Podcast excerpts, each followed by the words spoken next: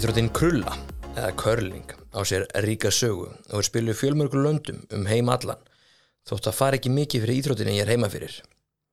Íþróttin var einn á 15 keppninsgreinum á vetrólupillegunum 2022 og horfið miljónir manna á keppninsgreinina og fylgdust með glæsilum tilþrjum á svellinu. Sumir sjá íþróttina í skoplugu ljósi, sérstaklega vegna sóparana tvekja á svellinu, en óætt er að segja það að það er mun meira spunnið í krulluna en það. Krullan á uppruna sinna reykja til Skotlands snemma á 16. öld og er eina elstu liðsýrðum veraldar. Þó það sé ekki á tandur hennu hver eða hvernig fyrsti krulluleikurinn fór fram þá eru fyrstu skriflugur heimildunar fyrir leiknum árið 1540 í bænum Pastley í Skotlandi sem er örfráðum kilometrum vestan við Glasgow. Þá hafði það verið skoskur munkur sem spilaði frumlega útgáfu að leiknum við starfsmann munka klöstusins en orði sjálft krulla, eða réttar sagt curling, kemur fyrst fram á prenti 1620 í Skotlandi í ljóð eftir Henry Adamson. Mungarnir ferðust viðsögur um Skotland og kynntu samlöndum sínum leikin. Skoski bændur höfðu oftar en ekki minna á sínu könnu um vetratíman og þá var þetta ágætisleið til að drepa tíman. Vötn eins og Loch Leven í Kinross í Skotlandi var mikil samkomu staður á fyrstu árum krullunar. Þar komu bæjabúa saman og rendu steinum á ísiluðu vatninu. Steinanir voru þá ofte ekki ólíkir eh, keilukúlum að því leiti að það voru gött fyrir finguna en síðan meir hefur krullusteilin þróast í þá átt að það séu handfung á þeim. Krullan var eh, vinsæl félagslega aðtöfni í Skotlandi á 16. til 19. öld þar sem kuldatíðinu vetuna hendaði vel og var hægt að spila á ísi löðu vatnum. Á 19. öld í Skotlandi þróaðist leikurinn þar sem eh, byrjað var að gera manngir svell utan dýra fyrir krulliðkun og leikurinn um tíma einu vinsalsta íþrótt skota.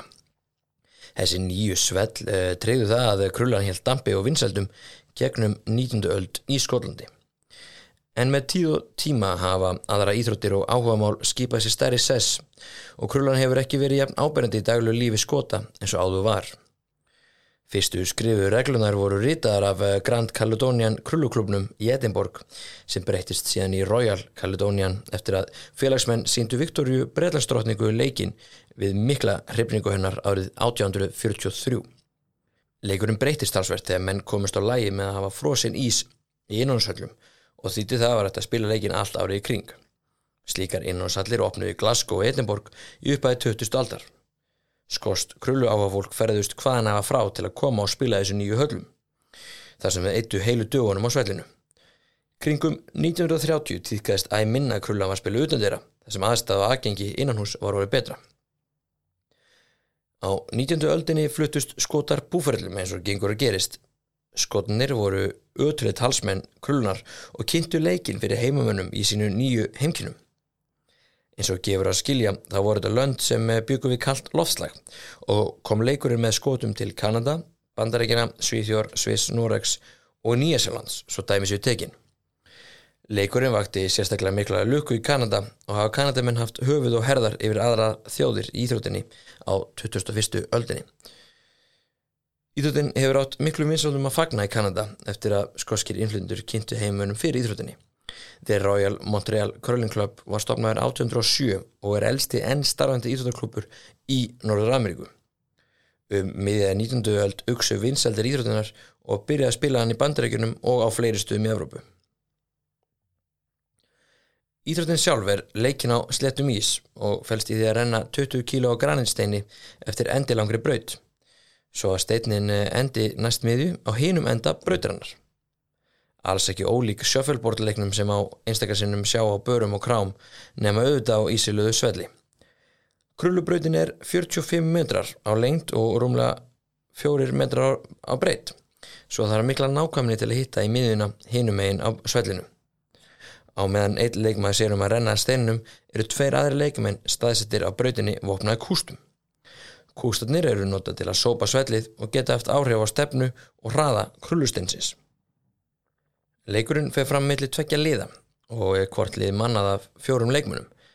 Fyrir liðin sem er oft nefndur skipper stýri liðinu og ákveður leiktaktík liðsins í samræði við liðsfélagana. Liðstjórin stendur kringum miðjuna hinum en á vellinum og gefur kasturunum merki hvað hann vil að steinin hafni. Þegar granítsteininum er rendið yfir völlin er hann látið snúast og er nafni körling eða krulla steinin komið þaðan. Leikmyndi tveir sem eru vopnaði kústum farið til tilmælum listjónans og jáfnfram treysta á sinn eigin leikskilning um hvernig eigi að sópa.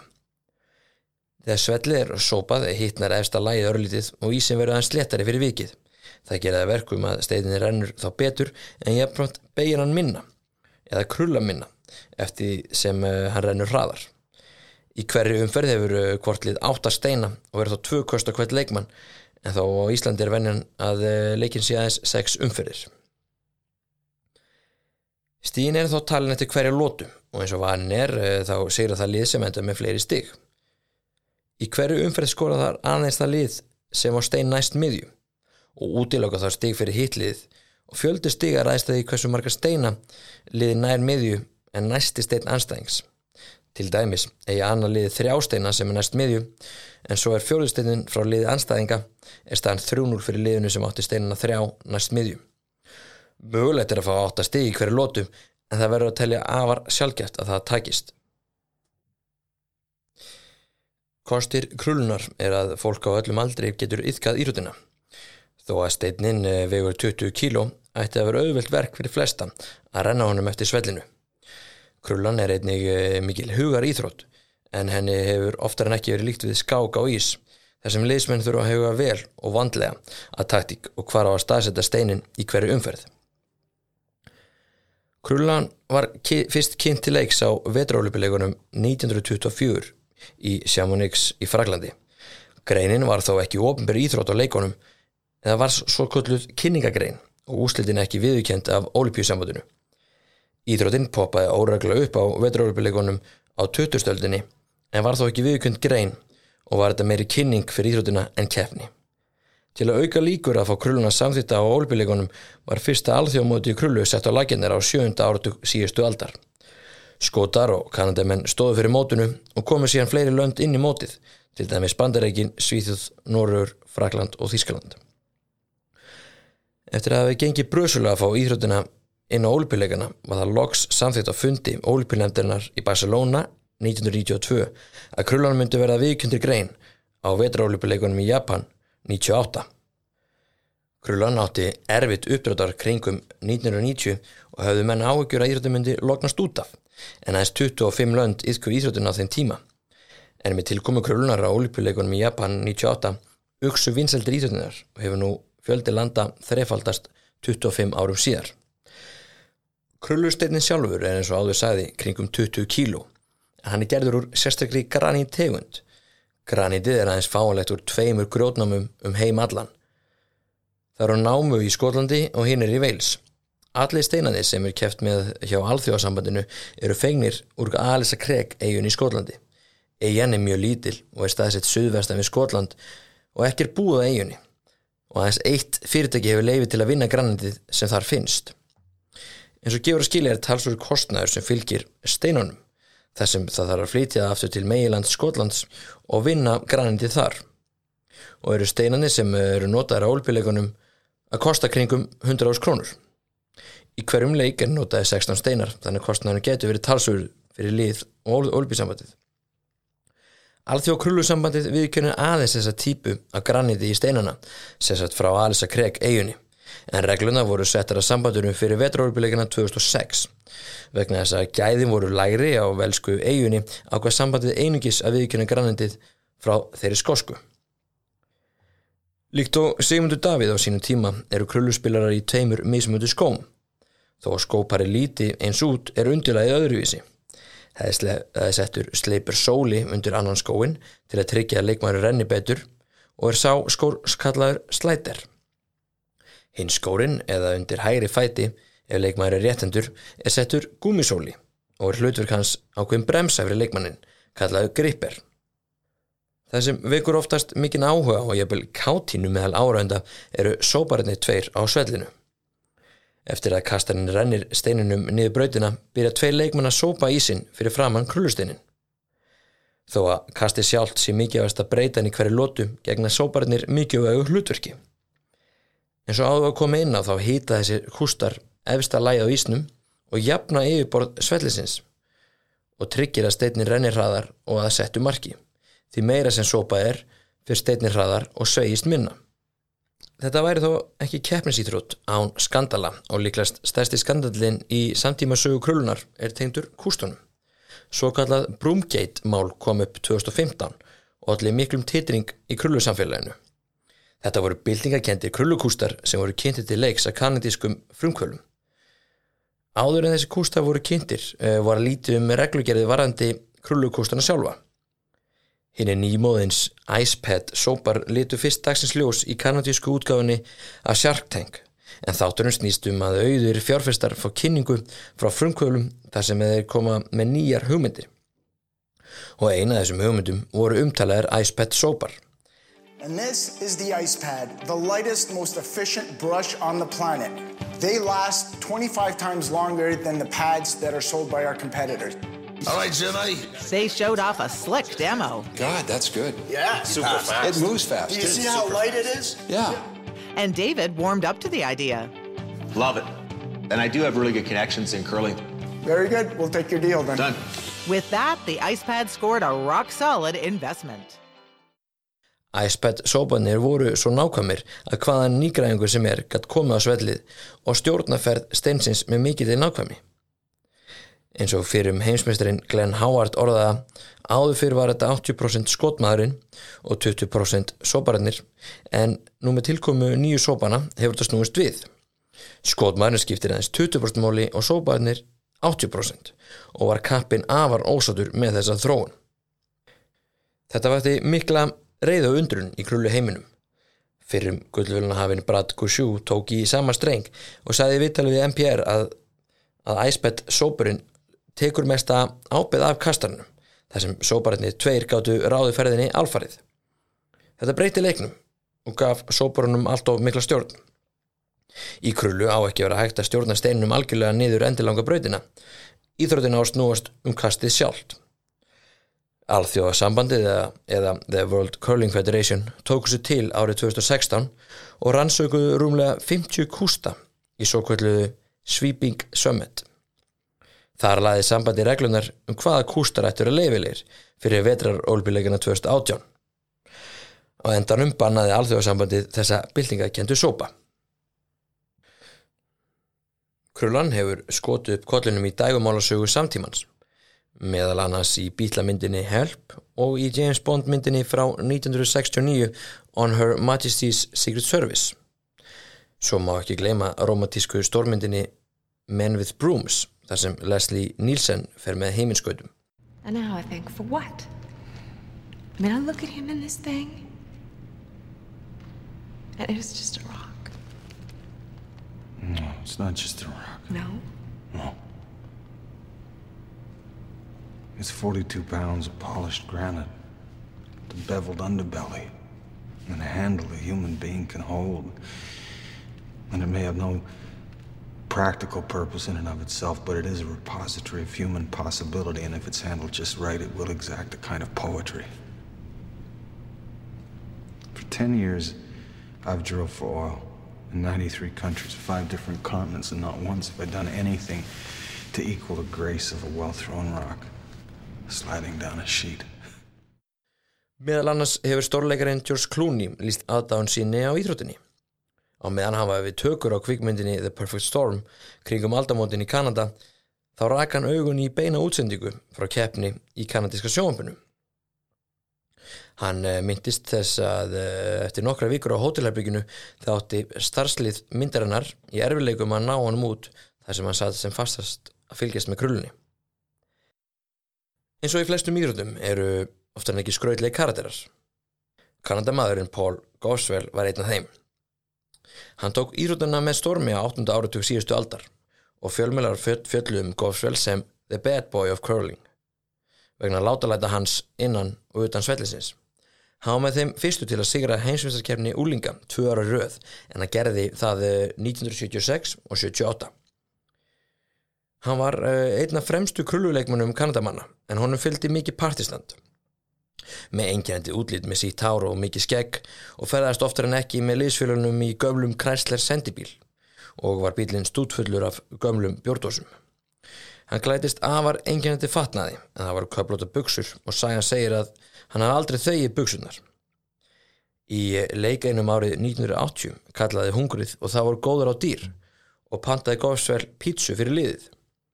Liðið satt þá á svellunum og borðaði pítsu meðan leiknum stóð yfir og horfði á anstæka sína kasta steinum. Voru þeir 15. árandu sem voru mættir afar undrandi og horfði á Pól og félag borðandi pítsu á miði svellinu. Hann sagði síðan meiri vitali við Kalkari Herald að hann skildi ekki af hverju fólk hafi verið móðgað við hann gjörning. Þeir hafi einfallega verið svangir og rauðin hafi verið allt á laung á kaffeterjuna í höllinni. Svo fræga mýta er að eh, síðastir steinn anstæðingana hafi farið í matarleifar af pítsunni og krullusteinnin fæst úr leið og kostað anstæðing sigurinn.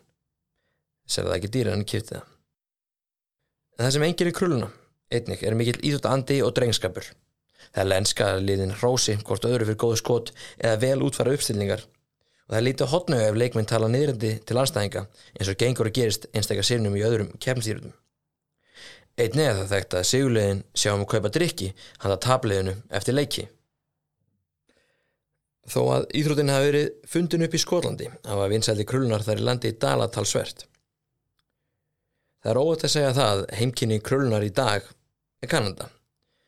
Um það vil miljón kandamanna yðka íþrótuna reglulega og enn fleiri horfa íþrótuna í sjóambunu eða svo kvöldið bónspílmót. Mikill meirluti krulluspilara heimsins eru búsettir í Kanada og í kanadíska fylkinu Saskatchewan hefur krulla verið útnefnd sem þeirra fylkis íþrótt. Það gefur kannski ágætt að mynda vinsaldum íþjóðunar þeirra landi þegar eina fremstu krullukonum Kanada, Sandra Smirler, listu krabminni árið 2000 Þá lögðu 15.000 manns leið sína í jarðföruna. Ásand tí að jarðförun var einnig sínd í beitni útsendingu um land allt.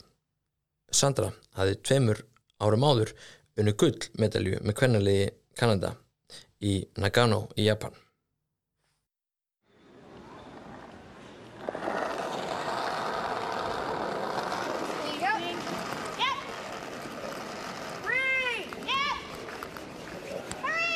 She's smiling. Yes, it's time for the golden handshake, and the Karizawa Park Arena erupts in a Canadian gold medal celebration. Kanada státur af langflestum velunum á stórmóndum. Kanadamenn hafa þó fengið aukna samkjöfni í setni tíð. Kartalið Kanadamanna var lengi örugt með velunarsæti og, og veiturhaldbleikunum Silvuvelun 98-2002 síðan þrjúkulli röð 2006, 2010 og 2014. En á veitra ólipileikunum í Kóru 2018 vöknu þeir við vondan draum þar sem karlaliði náði ekki inn á velunampall og þurfti að sæti sig við fjórðasætið. Sumu sögu er að segja um kvennalið Kanada þær hefðu áallt tekið velun heim frá fyrstu leikunum í Nagano. En 2018 þurfti þær að sæti sig við sjötasætið. Krúlan hefur verið að vaksum heim allan og löndis og svíþjóð hafa veitt Kanadamönum mikla samkjöfni en svíjar tóku gull í kallaflokki og brons í kvennaflokki á veitra ólipileikunum 2022. Kanadamenn hafa farið í sjálfskoðun hvað má betur fara og hafa bent á það að svíjar hafa farið alltaf aðra leið í vali sínu fyrir ólbíleikana. Sænska ólbíunemdin handvelur keppundur fyrir hönd svíja að meðan keppundur í Kanada fara gegnum langt og stramt ferli til að komast í liðið. Svíjar útnefnilega liðið sitt rúmlega hálfa ári, á, ári áður en til dæmis Kanada. Sumi bent á það að það sé að hjálpa svíjum í að ná þessum frábæra árangri í rútinni. Kanadískir krullarar þurfa ofta eða meiri tíma að keppa mótörum þar sem þeir fá tekjur samanborið við kollega síni Svíþjóð. Svíjar hafa sett talsverða fjármunni þróunastarf og geta leik með þeirra og var í meiri tíma við æfingar og minni tíma í keppni og ferðalögt tengt þeim. Karðalið Svíja eru langa efstir á heimslistunum krullu um þessa mundir með 97 stig. Kanadamenn eru í öðru sæti með 70. Kvennalið Sviss hittja í toppsætunum á heimslistunum og Svíjar þar á eftir. Bærin úti valla í Suðvestur Svíþjóð hefur sérstaklega þýðingu fyrir sænska krullusugu. Fyrsti krulluklúburinn eh, var stopnað þar og var svo fyrsti til að vera stopnaður í Evrópu fyrir utan Breitlandsegar. Skotið að nafni William McPhee flutt til úti valla 1846 og stopnaði síðan fyrsta krulluklúbur þar í landi 1852. Krullan var leikur eh, fyrir efristjættina þar sem vaskir menn spilu á frostnum vötnum. McPhee og félagar í Bóhúslandska körlingklubben reynda að kynna krulluna í Svíþjóð á setni árum 19. aldar en fengu dræmara móttökur. Það var ekki þó uh, fyrir rúmum 50 árum síðar eða um aldamóti 1900 sem aðri bæir og borgir tóku við sér og fleiri fóru að ytka írutuna. En eftir að veturinn auðvitað mildari í Svíþjóð um miðja síðustu öld fór krullan í dvala þar sem ekki var lengur hægt að spila á frostum vötnum. Líkt og í Skotlandi ógs yðkendufjöldi með tilkomu innanúshalla á ný og í setjum tíð hafa svíjar áallt sendt afar vel mönnu landslið á hinsvendarmótin og ólpilegana.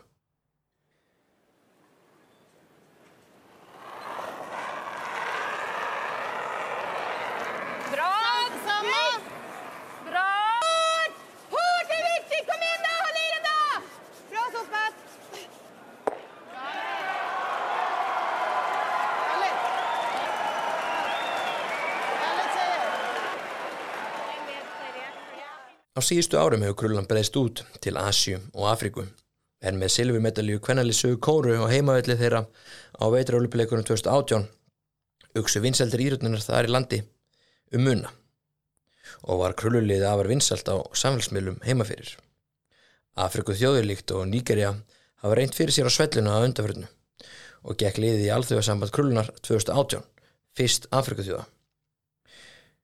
Eins og gefur að skilja er ekki mikið af skautasellum í Nígaríu en æfingar fara fram ekki á ísöluðu svelli heldur er heldur á sérstakri braut sem er kallað dry curling og ná þar leikmenn að hafa taktík og kost þrátt fyrir að undirlæð sé ekki ísi lagt. En hingað heim. Krullan á rætur hér á landi til ásins 1996 þegar hingað voru gefnir steinar frá Kanada og eru það norðamenn á Akureyri sem heiðurinn á að hefa yðkun á íþróttinni. Krullan var spiluð mest megnast utandira á þenn tíma en eftir að skautahöllin á Akureyri opnaði snemma árs 2000 var hægt að spila í íþróttina innandira. Hausti 2005 hófust krulluæfingar í skautahöllin í Lögadal og hefur krulludild þróttar verið að æfinga þar. Ísland er fullkildur meðlumur í alþjóða krullusambandinu en landi var 20. þjóðin sem gekk inn í sambandið á loka árum síðustu aldar. Það er ekki gengi að því að finna haldbara upplýsingar um landsleikið Íslands í krullu eða Íslandsmótið. Samkvæmt Facebook síðu krulludeildar skautafélags Akureyrar lauk Íslandsmótinu krullu 2023 með sigri Garpa en liði endaði eðvist í fimmlega deild með 12 stig. Ice Hunt var ekki langt undan en þurfti að sæti sig við annarsætið, stíi eftir Gorpu. Skautafélag Akureyrar haldi út í hennu ímsu móti við tíumbilið og gerst einnig áhersumum að mæta æfingar hjá félaginu. Ísland hefur aldrei átt fulltrúa á vetraólupileikurum í greinni. Landsli Íslands hefur tekið átt í erfumótum í krullu en þar hefur liði keft í B og sétild. Á erfumótunni 2022 sem að haldi í Svíþjóð og Litóin er landsli Íslands hverki sjáanlegt. Mótunni er skipt upp í þrjá deildir, A, B og C og það þarf að fara aftur til 2016 til að finna lið Íslands á erfumótunum og var það íslenska karlaliði sem sendi sína fulltrúa til Slóvenju. Því miður var áraugunum ekki búið marga fiska, en íslenska krullandsliði þurfti að sæta sig við neðsta sæti í sétildinni með engan sigur en tíu töp. Andri Magnússon, fyrirliði Íslands á Europamótun 2016, hefur líklegast þurft að velta þungum krullusteinum með samherjum sínum eftir frammeðstöðuna á mótunu. Á VF áþjóða krullusambandsins má finna heimslistan í krullu en íslensku kvenna og karlaliðin eru meðal neðstu þjóða á listunum en þau eru stegalós sem skýrist líklegast út af dræmri þáttöku á mótum sambandsins. Í sétilda á Europamótunni 2022 má finna smáþjóðu líkt á Andorra og Liechtenstein og má vona að íslenska þjóðin tæki vissir á næstu árum og veiti þessum smáríkjum samkemni og sópið þeim saman á svellinu.